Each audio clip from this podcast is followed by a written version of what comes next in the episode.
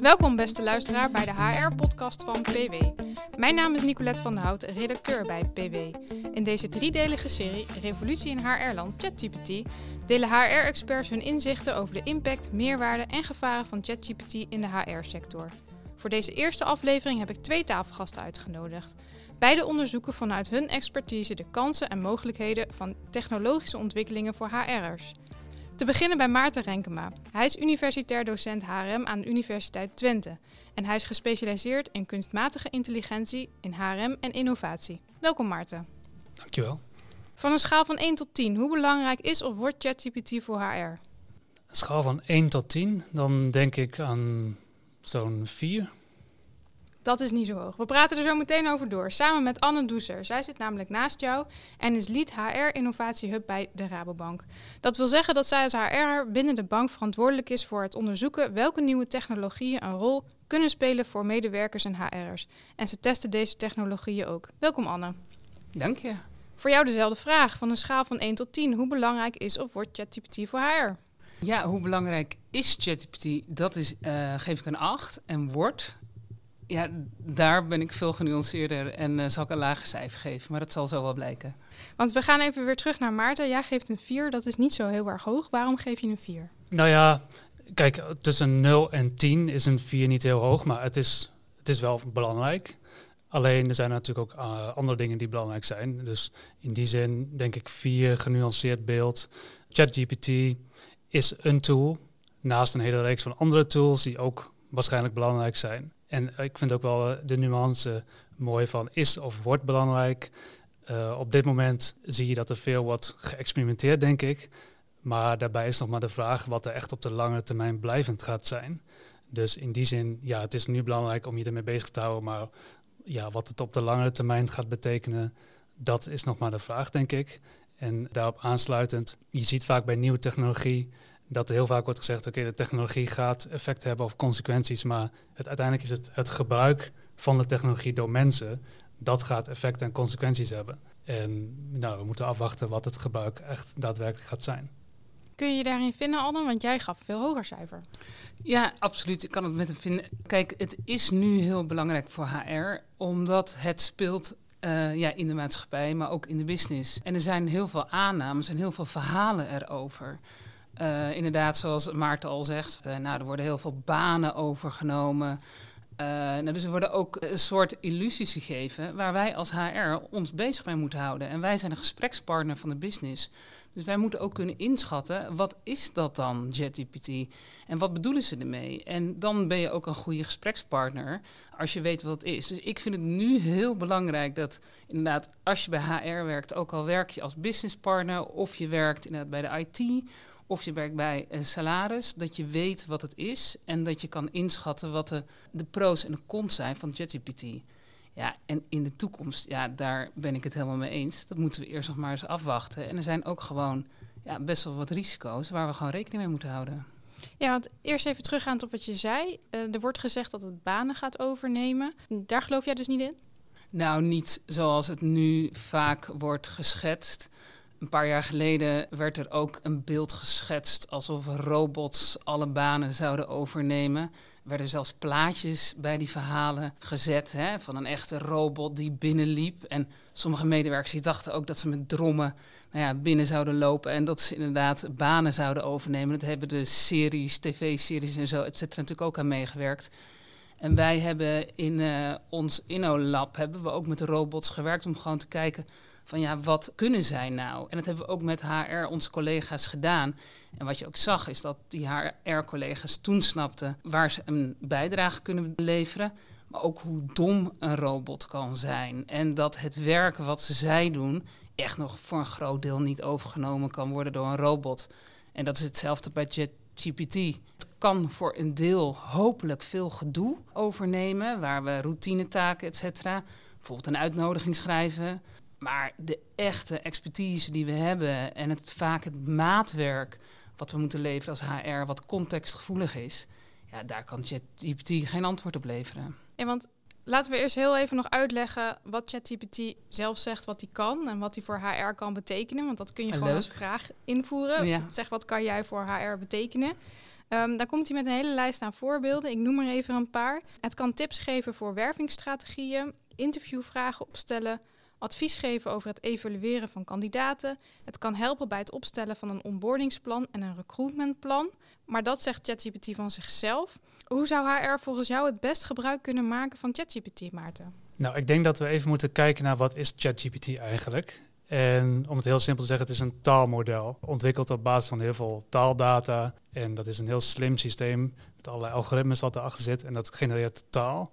Maar heeft geen begrip of geen bewustzijn. Dus je moet alvast daarover nadenken als je de vraag stelt, wat kun je ermee of wat wil je ermee bereiken? Als taalmodel is ChatGPT, maar ook andere chatbots, eh, heel goed in taalontwikkeling. Dus als je het hebt over toepassing, dan zou je vooral kunnen denken aan textuele toepassingen. Dus het schrijven van teksten, het verbeteren van teksten, het eh, genereren van een andere stijl van teksten of het samenvatten van teksten. En ik denk dat een heel aanzienlijk deel van het beroep van HR-professional in de brede zin gaat ook over tekstverwerking, het genereren van beleidsstukken, het bedenken van interviewvragen, het analyseren van sollicitatiebrieven. Dus op al die vlakken zou er een toepassingsmogelijkheid kunnen zijn van een chatbot zoals ChatGPT. Anna, jij hebt met ChatGPT geëxperimenteerd, net zoals je net vertelde over die robots. Wat hebben jullie gedaan met ChatGPT? Ja, wij hebben inderdaad geëxperimenteerd. Het kwam toen eh, begin dit jaar op. En toen eh, hebben we gekeken van wat is het dan? Maar ook om een antwoord te geven inderdaad op de discussie die er op werk was. En we hebben hele algemene vragen gesteld. Dus wat is de impact van de vergrijzing op de maatschappij? En je hebt die vraag gesteld in ChatGPT? Ja. Ja. En heb ik gekeken van nou, wat zijn dan de antwoorden? En die zijn redelijk oké, maar heel algemeen. En ik heb geen idee waar die het vandaan haalt. En als je echt een stuk aan moet leveren, staan er geen cijfers bij, geen bronnen. Dus je hebt ook geen enkel idee of, je, of het waarheid is of niet. Nou, daar kom je al heel snel achter. En we hebben ook gewoon bijvoorbeeld vragen gesteld als... ik ben eh 50 jaar geworden, zou je een uitnodiging willen schrijven? Eh, graag een lunch. En wat, eigenlijk is dit een prompt, een vraag die je kan vragen aan eh ChatGPT. En we hebben bijvoorbeeld een uitnodiging voorgesteld door ChatGPT. En heb ik bijvoorbeeld gezegd, zou je hem nu eh, in de Toon Herman-stijl willen doen? Eh, en nu in de Obama-stijl. Maar alleen al om te kijken, wat is een prompt? Hoe reageert hij? En wat doet hij ermee? Dus we hebben onder geen beding, en daarom vind ik het ook goed dat de Rabobank heeft gezegd: ja, we gaan er niet mee werken voordat we weten wat het is en wat we ermee willen doen. We mogen gewoon niet het risico lopen dat we zowel gegevens van medewerkers of klanten gebruiken. Dus nou, dit soort zaken kan je gewoon heel laagdrempelig eh, mee testen. Nou, dan zie je direct ook soms, ja, ik noem het, het soms een beetje met een eh, plakband zoek je het begin. Hè? Dan peuter je een beetje en dan je hebt ook soms met een onderwerp, waar moet je beginnen? Nou, dan is ChatGPT echt heerlijk. Je begint enorm breed. En misschien kan je daardoor, ben je net geïnspireerd om te denken van... oh, wacht, daar moet ik het misschien gaan zoeken. Maar het is niet iets wat je kan gebruiken om daadwerkelijk acties aan te verbinden. Maar door zo te experimenteren leer je al heel goed wat ChatGPT is en de voordelen en nadelen. Ja, want jij, Maarten, hebt ook al een paar nadelen ontdekt, hè? Ja, en die sluiten op zich wel aan wat, bij wat eh, Anne zegt. Met name de hallucinaties, zoals het eh, ook wordt genoemd. Dus het bedenksels wat er uit een chatbot komt.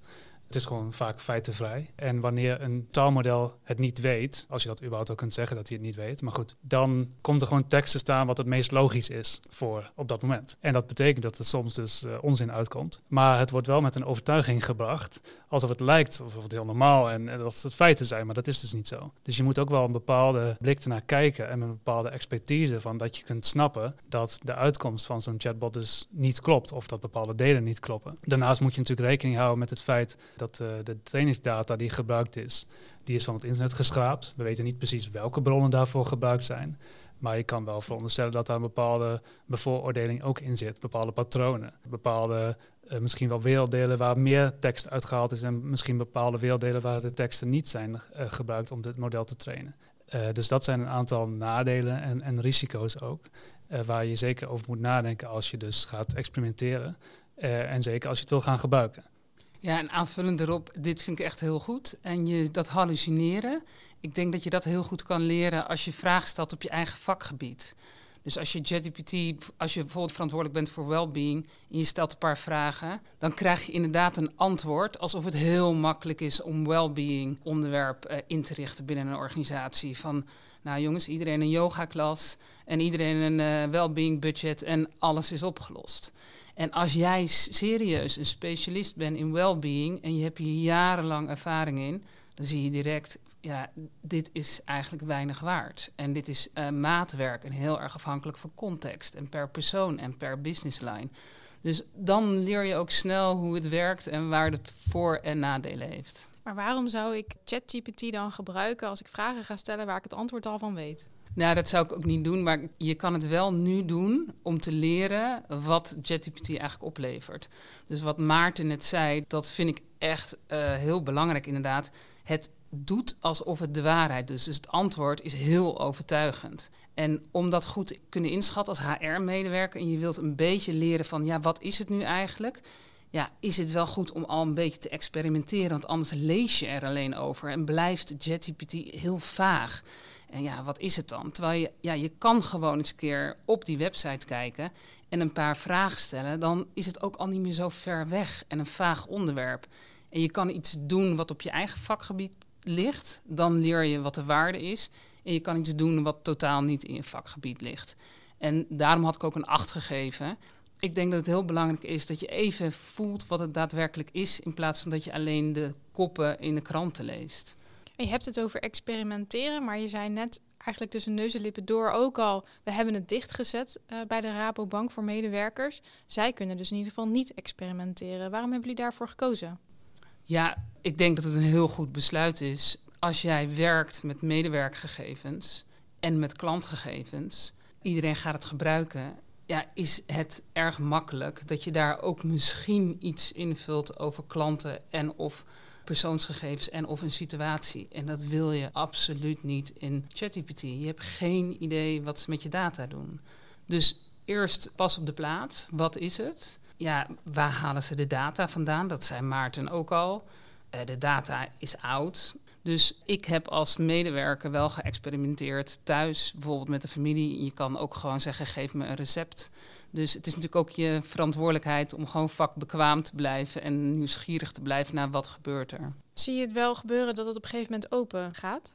Zoals nu ChatGPT eruit ziet en dat ze niet uh, transparant willen zijn over waar ze de data vandaan halen of wat ze ermee doen, zie ik dat niet snel gebeuren. Maar geen idee. Kijk, wat we nu gaan doen is uh, experimenteren in veilige omgevingen, maar ook met partijen die we kennen en waarmee we gewoon echt ook afspraken hebben gemaakt. Ik denk dat we nog echt veel te doen hebben wat betreft transparantie en uh, dat we echt altijd kunnen uitleggen, en zeker wij als HR, waar komt deze informatie vandaan en waarom hebben we dit besluit genomen? En niet dat we zeggen, ja, AI heeft het besluit genomen, ik heb geen idee. Je las de tekst voor en uh, ChatGPT had zelf gezegd van dat zij kunnen helpen met het evalueren van kandidaten. Ja, ik zou daarmee oppassen, want wat weten zij over de kwaliteit van onze kandidaten? Het klinkt wel dat HR een voortrekkersrol heeft. Zelf experimenteren om te kijken wat het ook betekent voor je bedrijf. Heb je ook een beleid opgesteld? Ja, we hebben nu uh, gewoon eigenlijk algemeen voor Rabobank. Dus op dit moment is het gesloten. En als je een case hebt waar je denkt van hé, hey, dit kan heel interessant zijn. Bijvoorbeeld het klantencontactcentrum of uh, nou ja, een andere waar je bijvoorbeeld heel veel antwoorden moet geven die eigenlijk best op elkaar lijken dan mag je die naar een team toesturen en die gaan kijken van hey, kunnen we hier met elkaar experimenteren in een veilige omgeving met veilige data en dat we altijd weten wat er gebeurt. Maarten, zou jij dat ook aanraden, dat HR voorop loopt en beleid opstelt? Absoluut. Uh, ik denk dat het uh, de rol is van HR om hierover na te denken en ook mee te denken met de business, de organisatie, van wat betekent dit nou? Niet alleen voor HR zelf, maar ook voor de medewerkers binnen de organisatie. Dus uh, dat vind ik mooi dat ze bij de Rabobank daar ook mee bezig zijn. want het betekent niet alleen uh, misschien een verandering in werk of bepaalde taken, maar het betekent ook dat misschien op een andere manier de, processen worden uitgevoerd binnen een organisatie. Misschien wel het tot meer productiviteit. Uh, misschien ook wel niet. Dus vanuit HR is het natuurlijk belangrijk dat je denkt over hoe kunnen medewerkers een bijdrage leveren aan de organisatie, aan het behalen van de strategie. Uh, en ik denk dat dus vanuit HR dat het goed is dat je nadenkt over welke rol hebben medewerkers hierin En hoe kunnen we dus chatbots zoals ChatGPT daarin gebruiken of misschien ook wel niet gebruiken. Dus ik vind dat uh, zeker dat HR-professionals zich moeten verdiepen in wat is ChatGPT en chatbots in het algemeen. Wat kunnen ze, wat kunnen ze niet. En stel daar ook richtlijnen voor op. Want medewerkers hebben natuurlijk ook behoefte aan handvatten van wat kunnen ze en wat mogen ze. En ja, ik, ik vind het op zich ook wel een interessante keuze dat ze bij de Rabobank hebben gezegd dat je er niet mee mag experimenteren. Ik ben wel benieuwd of medewerkers dan niet gewoon op een privé uh, devices, bijvoorbeeld ChatGPT openen, om, om, dan alsnog gebruik te kunnen maken van dit soort tools. Dus ik weet niet hoe, hoe jullie daar naar kijken bij de, bij de Rabobank. Ja, dat, dat hou je niet tegen. Zo naïef zijn we niet. Ik gebruik het zelf ook op mijn eigen computer. En dat mag ook. Uh, en ik vind dat ook eigenlijk alleen maar goed. Maar ook daar waarschuwen we van pas op, gebruik je persoonsgegevens niet en weet dat data oud is. En dat je het niet meer kan verwijderen en dat we geen idee hebben. Dus dat ze de app installeren op hun privételefoon, et cetera. Ja, dat, maar dat is wel een hele grote stap om dan klant- of medewerkergegevens in te vullen. En dat is echt fundamenteel wel anders dan dat je het voor privé gebruikt en zelf daarbij nadenkt, dan dat je het onder de app op je werkcomputer hebt.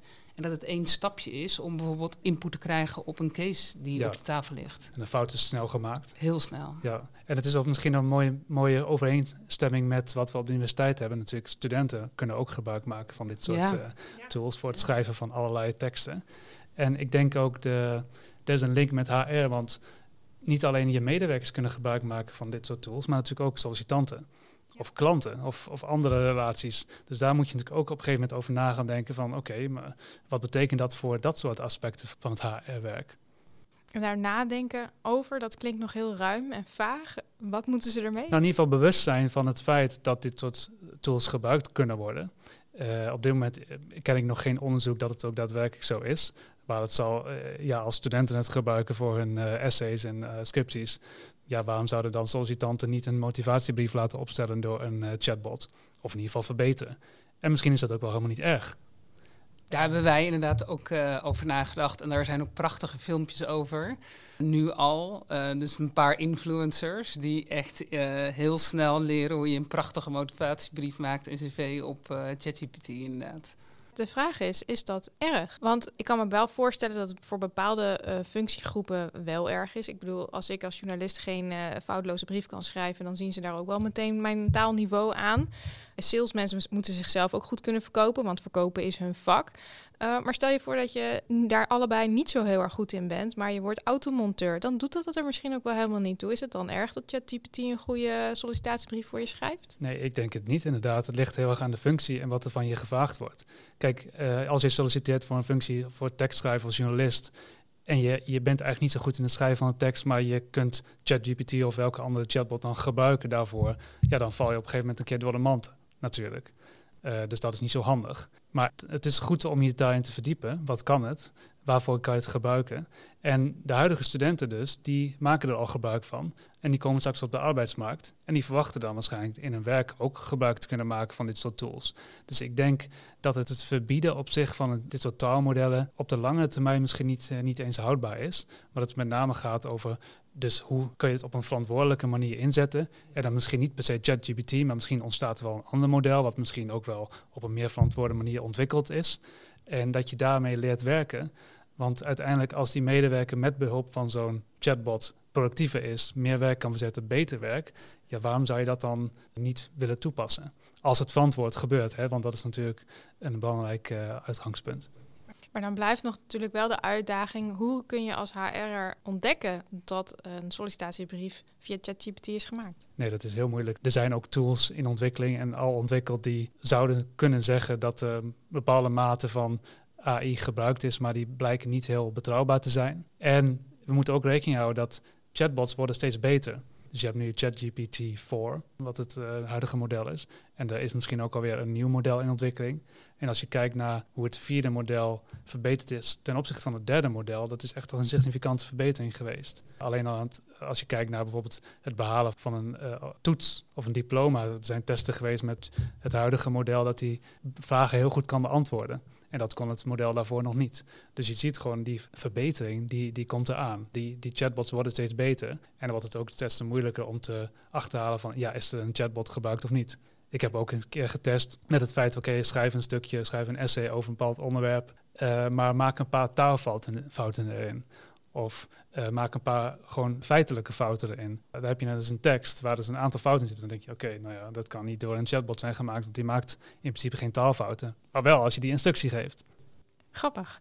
En jullie hebben dus ook getest, Anne, zei je? Jullie hebben erover nagedacht? Ja, we zijn daar wel over in gesprek, ook met recruitment. Ja, dit gebeurt al, neem ik aan. En ik weet niet of het zo erg is. Kijk, we zitten in een krappe arbeidsmarkt. Ik weet ook dat heel veel mensen er ontzettend tegenop zien om een brief te schrijven. En om die reden misschien wel niet solliciteren. Want we weten allemaal dat er veel sollicitanten zijn en de kans niet altijd even groot is. Misschien helpen we sommige mensen wel net even sneller. En die brief schrijft zich niet vanzelf. Dus je moet echt goede input geven van jezelf. Wil het een persoonlijke brief zijn en wil het echt aangeven waarom jij bij die werkgever wil werken? Dus ten eerste moet je heel goed zijn inderdaad nou ja, om goede prompts te geven. Zoals hij zei, het is handig om te zeggen maak één foutje bijvoorbeeld aan het einde. Maar je, je moet ook echt goed nadenken waarom je daar wil werken. En wat je kan en wat je motivatie is. En als JetGPT daar een prachtige tekst van maakt. En je wordt inderdaad analist en je moet daarna echt de beste zijn in Excel. Fine. Misschien eh, doet het wel iets aan de arbeids- en de mobiliteit. We gaan het zien dat we meer sollicitanten krijgen. Spannend. Ja. Jullie drukken allebei de HR's op het hart dat ze dus gaan uh, kijken wat ChatGPT kan en wat het ook vooral niet kan. Toch staan HR'ers bekend om mensen, mensen en niet zo heel erg om het uh, technologische ontwikkelingen bekijken.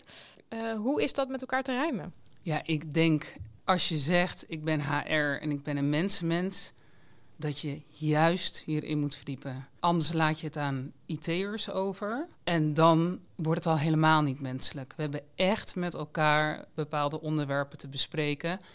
Wat is de grens van ChatGPT? Wat willen wij één op één doen? Uh, hoe gaan wij zo transparant mogelijk uh, zijn? Die zaken zijn zo belangrijk om juist die menselijkheid in het vak te houden. Dus als iemand dat zegt, ga juist je verdiepen in ChatGPT. Ik zie Maarten heel druk knikken. Vertel. Ja, ik denk dat dat inderdaad cruciaal is. Dat je het niet overlaat aan de, aan de ontwikkelaars, de technici. Die willen iets heel leuks en moois ontwikkelen. En die zijn er enthousiast over, maar denken misschien niet na over de sociale aspecten, de ethische aspecten, de consequenties voor werk en werknemers. Dus voor HR-professionals is het de kans om nou juist een voet tussen de deur te krijgen in dit soort technologische ontwikkelingen en daarin mee te praten. En ook daadwerkelijk een stempel te kunnen drukken op nou ja, richtlijnen, op beleid. Om, om dat op zo'n verantwoorde manier in te zetten. Afgelopen maanden hebben we een aantal workshops ook gedaan met HR-professionals. En die geven ook aan dat een van de belangrijkste aspecten waarop zij waarde kunnen toevoegen of, of wat hun rol zou kunnen zijn, is juist die ethische kant. Dus hoe kunnen we het inzetten op een goede, verantwoorde manier, nadenkend over de consequenties. Uh, die misschien niet altijd de eerste vraag zijn van de mensen die dit technisch ontwikkelen. Maar om dat te kunnen doen, om dat gesprek aan te kunnen gaan met die meer technische kant, moet je natuurlijk wel mee kunnen praten op, op dat niveau. En moet je dus wel bepaalde kennis hebben van wat doet die technologie nou? Hoe, hoe is het opgebouwd? Wat kan het? Wat kan het niet? En dan hoef je niet helemaal te weten hoe het geprogrammeerd is of hoe het precies werkt, want daar zijn, daar zijn andere mensen voor. Maar je moet wel kunnen meepraten over waar hebben ze het nou eigenlijk over, om dus richting te kunnen geven aan waar, jij als organisatie naartoe wilt. Dus ja, ik ben het er helemaal mee eens. Mooi, hopelijk hebben we HR'ers genoeg denkstof gegeven waarmee ze aan de slag kunnen gaan met ChatGPT. Dank Maarten en Anne voor jullie tijd en uitleg. Dit was de eerste aflevering van de driedelige serie Revolutie in HR-land ChatGPT. Volgende week volgt deel 2 waarin HR'ers zelf vertellen hoe zij gebruik maken van ChatGPT. Bedankt voor het luisteren en tot de volgende aflevering.